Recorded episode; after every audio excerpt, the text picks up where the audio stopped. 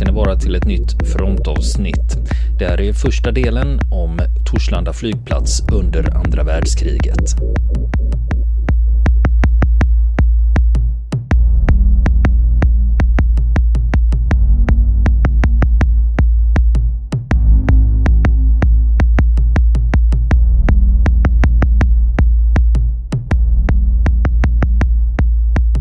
inom journalistiken så pratar man ofta om det här gräv där du står.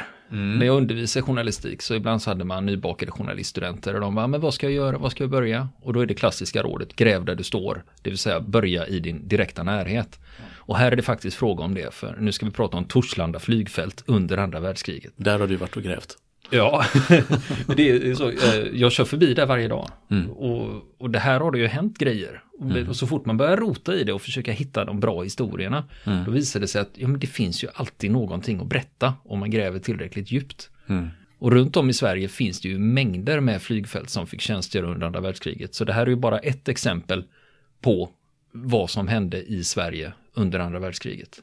Just det, just det. Och det som präglades eh, i Sverige då, det var ju framförallt att det svenska flygvapnet byggdes ut något så radikalt. Och det var ju då som Sverige fick den här mängden flottiljer som man hade sen som fortsatte under kalla kriget. Och idag så har ju det här minskat och minskat och minskat och idag så är det inte värre än att jag kan med, med mina med, med, med fingrarna på ena handen räkna upp vilka svenska flygflottiljer vi har. Va? Nej, precis, precis. Men under kalla kriget och det som hade grundlagts under andra världskriget det var ju det största flyg, flygvapnet utanför uh, stormaktsblocken. Ja, så stora var vi. Och det var ju jätteintressant eftersom jag själv är flyghistoriskt intresserad mm. så är ju faktiskt eh, svenska flygvapnet en guldgruva att gräva i. Med tanke på storleken och att mm. det fanns så mycket aktivitet. Vi började vid utbrottet här vid andra världskriget. Och det var att man anlade ett stort antal nya flottiljer runt om i Sverige. Och framförallt var det viktigt att skydda de stora städerna. Så på hissingen utanför Göteborg, där anlade man F9 Säve. Och i Skåne så startade man F10. Och då var det inte i Ängelholm utan då var det på Bulltofta, Malmö var det. Och den flyttade ju sen till Ängelholm efter kriget. Men innan F9 Säve var i drift, då använde sig flygvapnet av den civila flygplatsen Torslanda. Och den hade ju varit igång sedan 1923. Och när man snackar med göteborgare om det här, när man frågar dem, ja, vet du vilket som är Göteborgs första flygfält? Då säger folk Torslanda. Det stämmer mm. inte. Utan mm. det var faktiskt Kviberg. Och det var Kviberg?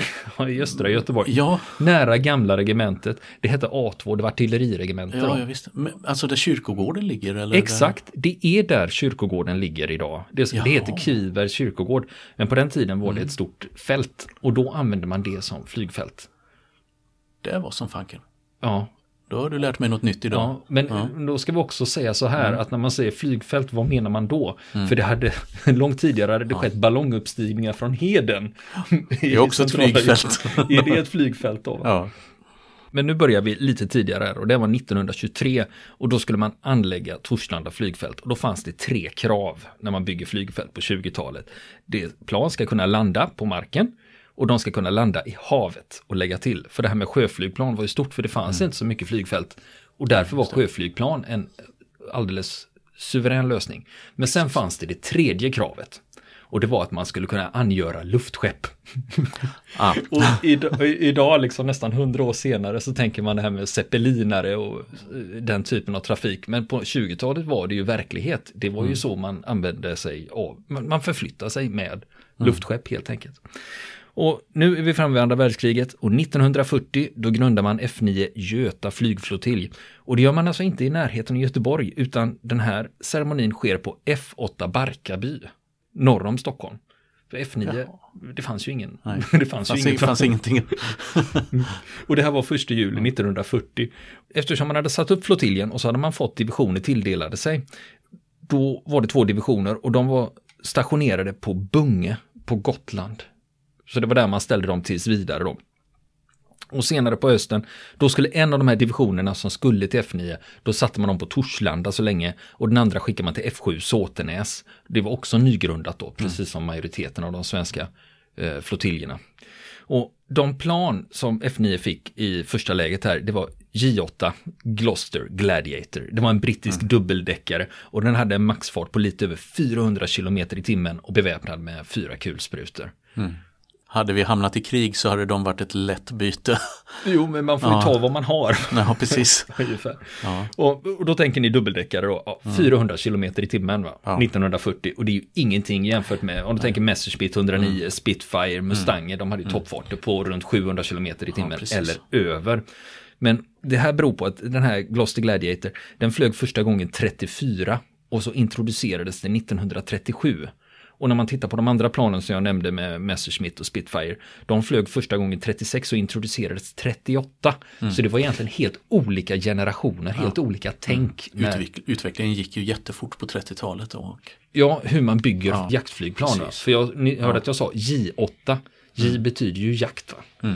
just det. Det var ju, sen när det drog ihop sig med kriget där så blev det ju svårt för Sverige att få tag på stridsflygplan av någorlunda hyfsad kvalitet och prestanda då som kunde mäta sig med stormakternas. Så det gjorde ju att vi hade ju många plan men de var inte alltid så bra.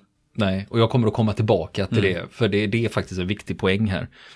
Men hur som helst, tilldelningen till F9 då, det, då fick de 30 Gladiator, Gloster Gladiator. Men nu, nu var de på Bunge och de skulle flyttas. Och andra divisioner, de skulle till Torslanda och de leddes av en löjtnant som hette Sven Uggla. Och då började de flyga från Gotland, riktning Torslanda. Men under tiden de flög österut, då sjönk molnen lägre och lägre. Och då fick de flyga lägre och lägre. Det här är ju liksom, man hade ju inte GPS om man säger så. ingen instru- instrumentflygning hade man ju men det var ju kanske inte så väl, väl utvecklat. Inte i de här flygplanen hur som helst. Men när molnen sjunker, då får de flyga lägre och lägre. Och till slut när de nästan är framme, när de är mellan Ulricehamn och Borås, då var de nere i trätoppshöjd. Och hur navigerar de? Jo, då fick de följa järnvägsspåret mot Göteborg. de flög efter, istället för att navigera Ja. så vet de ju om det. Ja. det är bara följer vi Följ järnvägsspåret, spåret. då kommer vi ju till Göteborg. Och sen Ja. från Göteborg kan vi hitta till Torslanda då. Ja. Väldigt logiskt. Men mellan Ulricehamn och Borås, då plötsligt saknas ett plan. Och då är det piloten Evert Berglund och hans flygplan som saknas. Och hur ska man agera då? De kunde ju inte avbryta vad de höll på med, för vädret var ju så sopigt så man kunde ju liksom inte avbryta och försöka göra någon form av sökning. Men då lugnade de ner sig med att Evert Berglund, han var ju ändå göteborgare så han borde kunna hitta hem. Förstås. Förstås, han är göteborgare, han hittar. Och mycket riktigt, han lyckas faktiskt ta sig till Torslanda och de landade allihop och då hade de flugit i två timmar från Gotland. Det är ju inte så farligt ändå Nej. om man börjar räkna. Men 1940, det här är ju en värld i krig och då händer det andra grejer på Torslanda flygfält. För när Finland invaderades av ryssarna 39, vad är det som händer?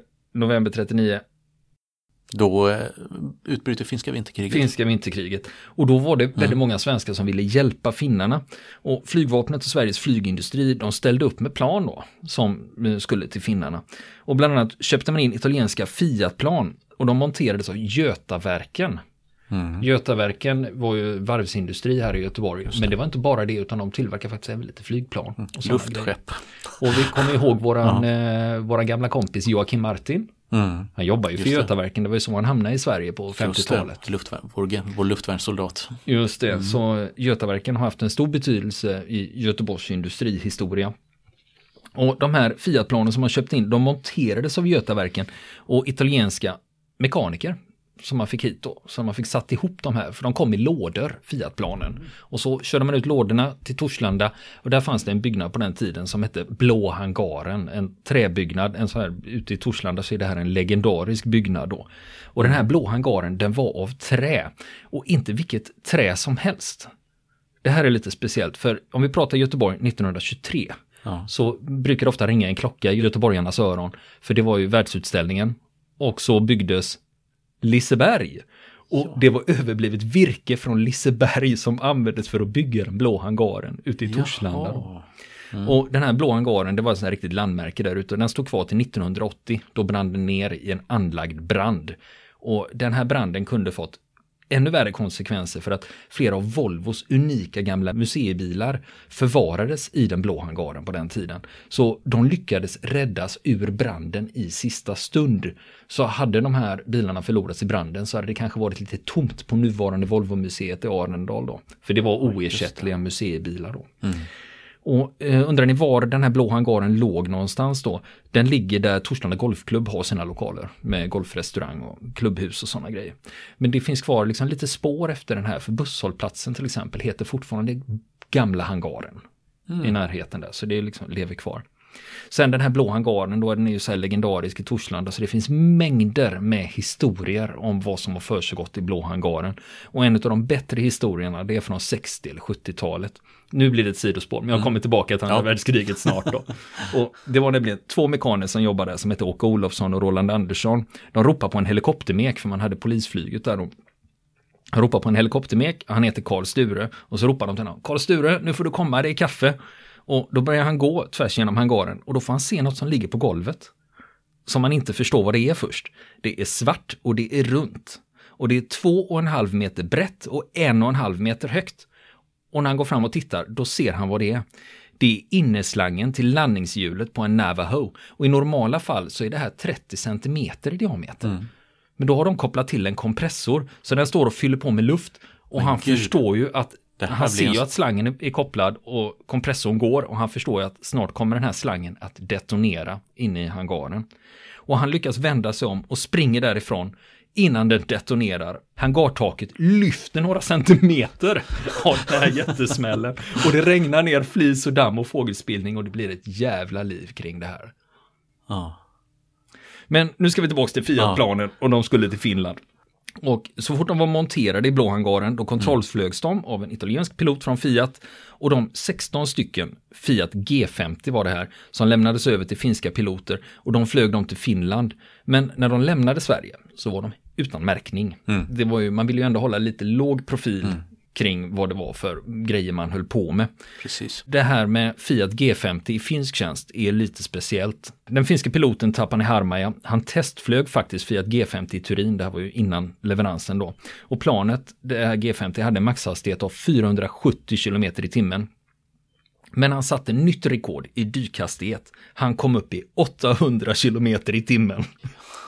Och planet fick alltså skador av den här övningen då. Och Fiats ledning, de var så imponerade över det här hastighetsrekordet som den finske piloten hade satt. Mm. Så han fick ett gyllene cigarettetui av Fiats ledning. I gåva då av att han hade satt det nya rekordet då. Eh, sen stupade han i och för sig i en luftstrid i ett Fokkerplan senare under vinterkriget. Men det här lever fortfarande kvar. För fortfarande den bästa piloten bland de finska officerseleverna får ett gyllene cigarettetui i pris av Försvarshögskolans gille i Finland. Mm. Och det sker varje år. Mm. Till minne av den här piloten Tapani Harmaja. Och när vi pratar om finska piloter och vinterkriget, mm. även fortsättningskriget, så är det ämne för ett helt eget mm. avsnitt. Absolut. Eller en serie. Ja, absolut. Men nu när vi pratar om Fiat G50, det var det första italienska jaktplanet med enkelvinge och infällningsbara landningsställ och sluten huv. Och nu börjar man mm. fatta att ja, men nu börjar vi närma oss liksom här, moderna ja. mm. prestanda. Men de italienska piloterna, de gillar inte huven. Så de tog bort den och flög öppet. Och då tycker man, men hur tänkte man nu? Varför gör man, det är ju ändå ett steg tillbaka, tycker man. Men det fanns mycket goda skäl det berodde på att den här huven gick inte att öppna snabbt. Så om du befann dig i en situation mm. där du behövde ta dig ur och hoppa fallskärm så var det i stort sett omöjligt att få Då var det en likkista. Det var en likkista. Mm. Då var du dömd så därför tog man bort den. Sen var plexiglaset i den här huven kast. Det sprack lätt och det repades lätt av sand och annan skit. Mm. Och ett annat problem var att cockpiten eh, fylldes med avgaser från motorn. Det var mm, också därför det är inte inte, kul. Du vill inte bli kolmonoxidförgiftad i ditt eget plan, så, men hade du borta huven så slapp du ju det problemet. Så alltså var det bättre att inte ha en huv på Fiat G50. Och när finnarna fick sina Fiat-plan, när de var monterade och skickade, då var det tyvärr inte så långt kvar av vinterkriget. Men trots det, de vann ändå 13 luftsegrar. Och de förlorade bara ett plan. Mm. Under återstoden av vinterkriget där. Sen kom de här planen till användning fortsättningskriget och då vann de 88 luftsegrar med sina Fiat G50. Och det är imponerande siffror. Det, är imponerande. det var det om Fiat G50. En lång väg från Kviberg och Torslanda. ja men allting sprider ju sig ja, va. Visst. Och eh, det, det här visst, är... följer, följer man ett, en tråd så hamnar ja. man på de mest oväntade ställen. Ja, precis. Finska vinterkriget och fortsättningskriget. Sen har vi en eh, annan intressant grej just när det gäller eh, Fiat-plan då. Och det fanns en kyrkoherde i Göteborg som hette Isak Ben. Och han hade startat en insamling för att köpa jaktflygplan till Finland. Och det är ju sånt som kyrkoherdar gör, de brukar ju samla in pengar till krigsmaterial. Ja, ja, 1939 var det, ja. 1940 var det här, då var det inga problem att ägna sig åt sådana grejer. Då, va? Och de fick upp tillräckligt med stålar på den här insamlingen så man skulle köpa in 12 Fiat-plan av typen CR42. Mm. Och också de här CR42 monterades på Torslanda och så skulle de levereras till finska flygvapnet. Då säger finska flygvapnet, nej, de vill vi inte ha. De är för gamla. Och, och de hade ja. faktiskt rätt, för CR42 var det sista jaktflygplanet som hade dubbelvinge. Ja. Så att eh, nu blir man stående med 12 Fiat CR42 Falco hette de här. De stod färdigmonterade på Torslanda och ingen vill ha dem. Vad gör man då? Eh, de har samlat in pengarna, köpt mm. de här planen. Utan det finnarna säger är att ja, vi tar gärna pengarna istället. Och det fanns ju en god anledning till det här för mm. att vid det här laget så hade faktiskt vinterkriget slutat. Och mm. vad fan skulle de med gamla... Ja, det, var inte, det var inte så desperat. Mm. Så att vad ska man med gamla omoderna jaktplan till? Mm. Och det löste sig genom att svenska flygvapnet köpte in dem för 5 765 000 kronor. Och så sätter man dem på F3 Malmslätt och sa vi använder dem som spaningsplan. Mm. Så det var så man löste situationen med de här 12 planen. Mm. Och nu hade man ju då 12 stycken föråldrade Fiat Falco. Och då undrar man ju varför i helvete döper man dem då till J11? J betyder mm. ju jakt. Ja. Men liksom okej, okay, vi kan ta dem till jakt, de är för gamla. Men vi använder dem till spaning då. Men då undrar man ju så här, hur tänker svenska flygvapnet då? Att när man nu sitter med de här 12 gamla kärrorna på F3 Malmslätt, varför köper man in 60 likadana till då för 15 miljoner? Ja. ja. Världen är full av gåtor. Ja, nej, det finns, det, det, finns en förklaring på det här och nu kommer vi in på det som du nämnde förut. Det var nämligen svårigheten att få tag på jaktplan. Mm. Och flygvapnet hade beställt jaktplan av USA, men man hade faktiskt 1940 hamnat i ett embargo, så man fick inga flygplan från USA. Och då fick man, ja vad fan finns det att köpa? Jo men Fiat säljer CR42, ja men mm. då köper vi det så vi i alla fall har någonting.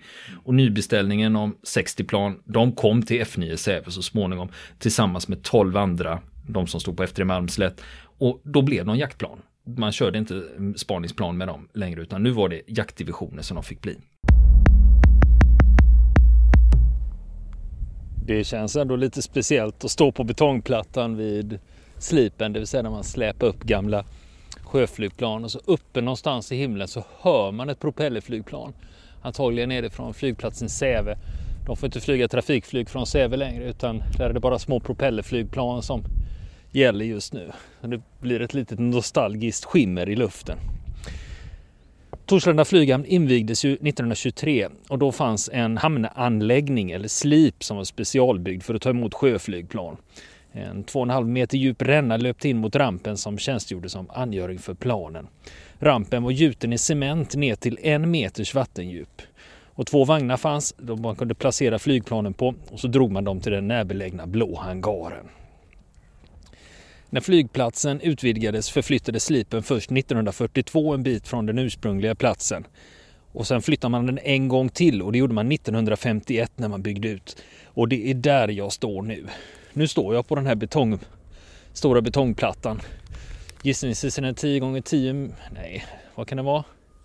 Ja, 10 gånger 15 meter kanske, 150 kvadratmeter betongplatta. Och den här betongplattan den sluttar ner mot havet och här finns det resterna då av den gamla hamnanläggningen då.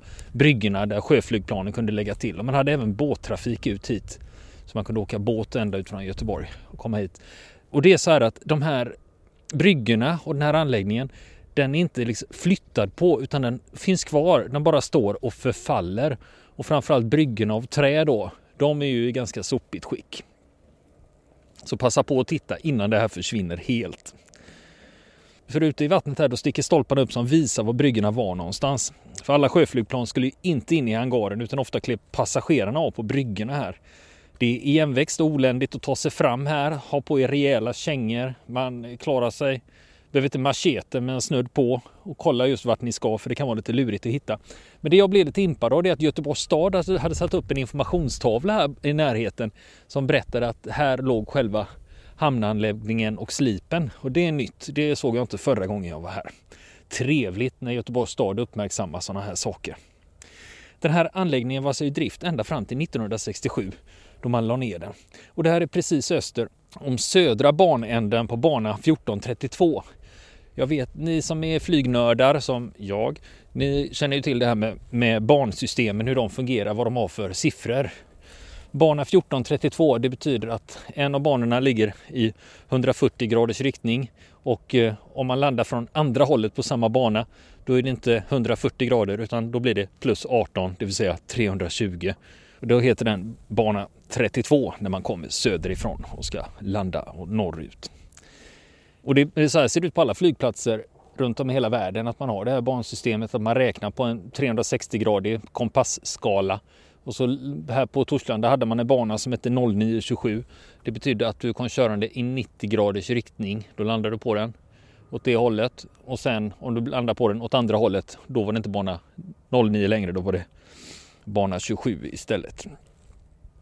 När jag står här på den här stora betongplattan där man släpar upp eh, sjöflygplan, eh, bara 100 meter upp här, 150 meter kanske, så ligger det en liten bergsknalle och den ligger i nordöstlig riktning om mig nu. Den är lite speciell den här halvön eller gamla holmen eller vad man nu ska kalla den. Den heter Karaholmen och 1922 var det en ö, men under arbetet med att färdigställa flygfältet så fyllde man igen sundet så att då var det ingen ö längre utan då blev det en halvö. Arbetet med att färdigställa fältet gjordes av AK-arbetare. AK stod för Arbetslöshetskommissionen och det var beredskapsarbete. År 1922 var arbetslösheten i Sverige 34,3 procent och AK-arbetare sattes i arbete för skattepengar. De byggde vägar och arbetade i skogen. Det är alltså en gammal variant av AMS-arbete eller fas 3. Idag, Karholmen, då är en brandövningsplats precis som det var när flygplatsen var aktiv. Det är räddningstjänsten i Göteborg som har byggnader och verksamhet där uppe där de övar på att släcka bränder. Den platsen jag är på nu det är ju den tredje slipen. Men den första slipen, då var delar av F2 Roslagens flygflottilj, eller F2 Hägernäs heter de ju också. De var stationerade tidvis här under andra världskriget och de hade bland annat med sig sjöspaningsplanet S5 Heinkel Hansa med sig. Och det planet hade pontoner, en maxfart på 215 km i timmen och två kulsprutor. Och under andra världskriget det var gammalt redan då det här flygplanet, för det hade tagits i tjänst 1927 redan. Och det var ett sånt här gammalt plan, en S5 Hansa, som lyckades skjuta ner ett tyskt Heinkel 111 en och en halv mil norr om Torslanda, närmare bestämt vid Kovikshamn som ligger sydost om Marstrand.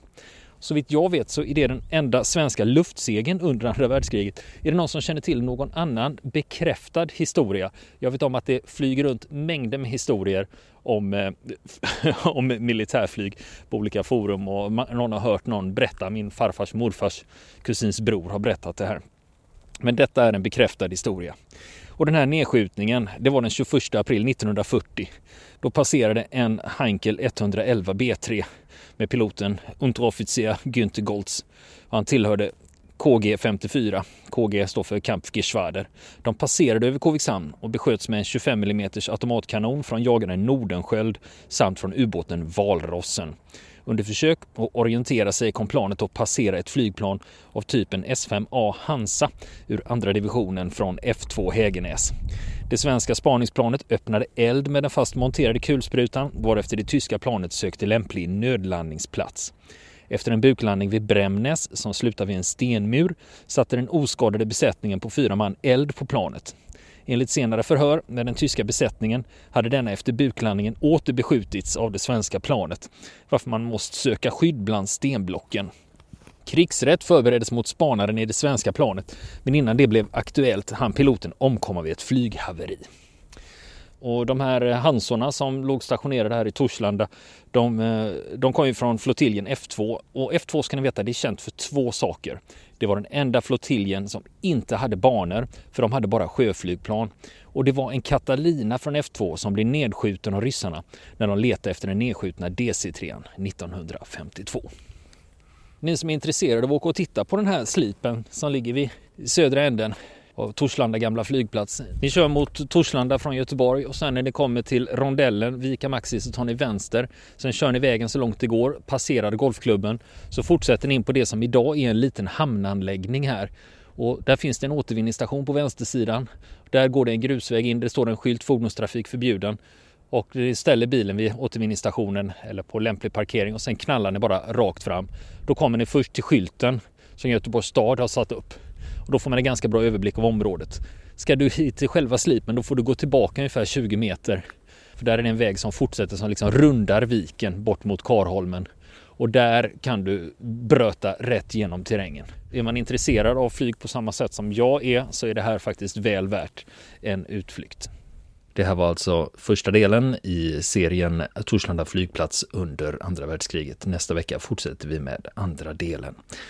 Vill ni se lite bilder från de platser vi har besökt så kan ni gå in på vår Facebook-sida. Den heter Fronten, så det är bara att gå till Facebook och söka efter Fronten så kommer ni att hitta oss där.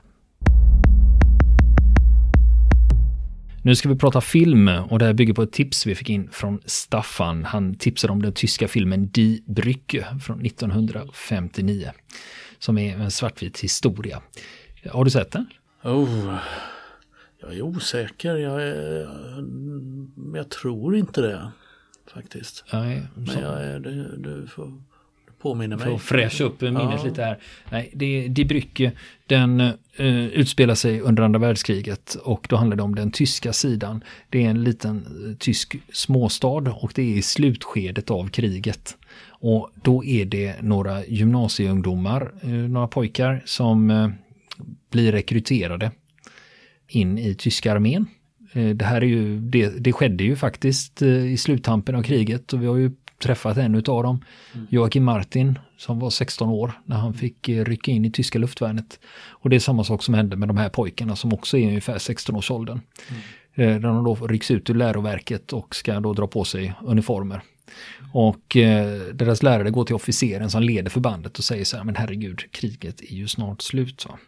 Mm. Du, när det gäller mina pojkar här, kan inte du se till att de inte hamnar i fronten eller i trubbel. Mm. Utan att de kanske kan klara sig. Och bland de här pojkarna finns det en jätteentusiasm. De tycker det här är jättespännande. Mm.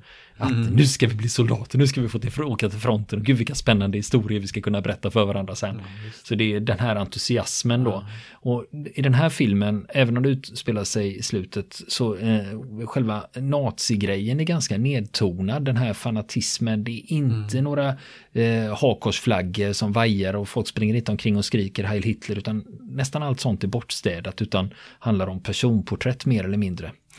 Och det som händer med de här pojkarna, det är att för att de inte ska behöva åka med till fronten så blir de satta och hålla en bro utanför sin egen by. Och de tycker liksom, men vad fan, vad är vitsen? Mm.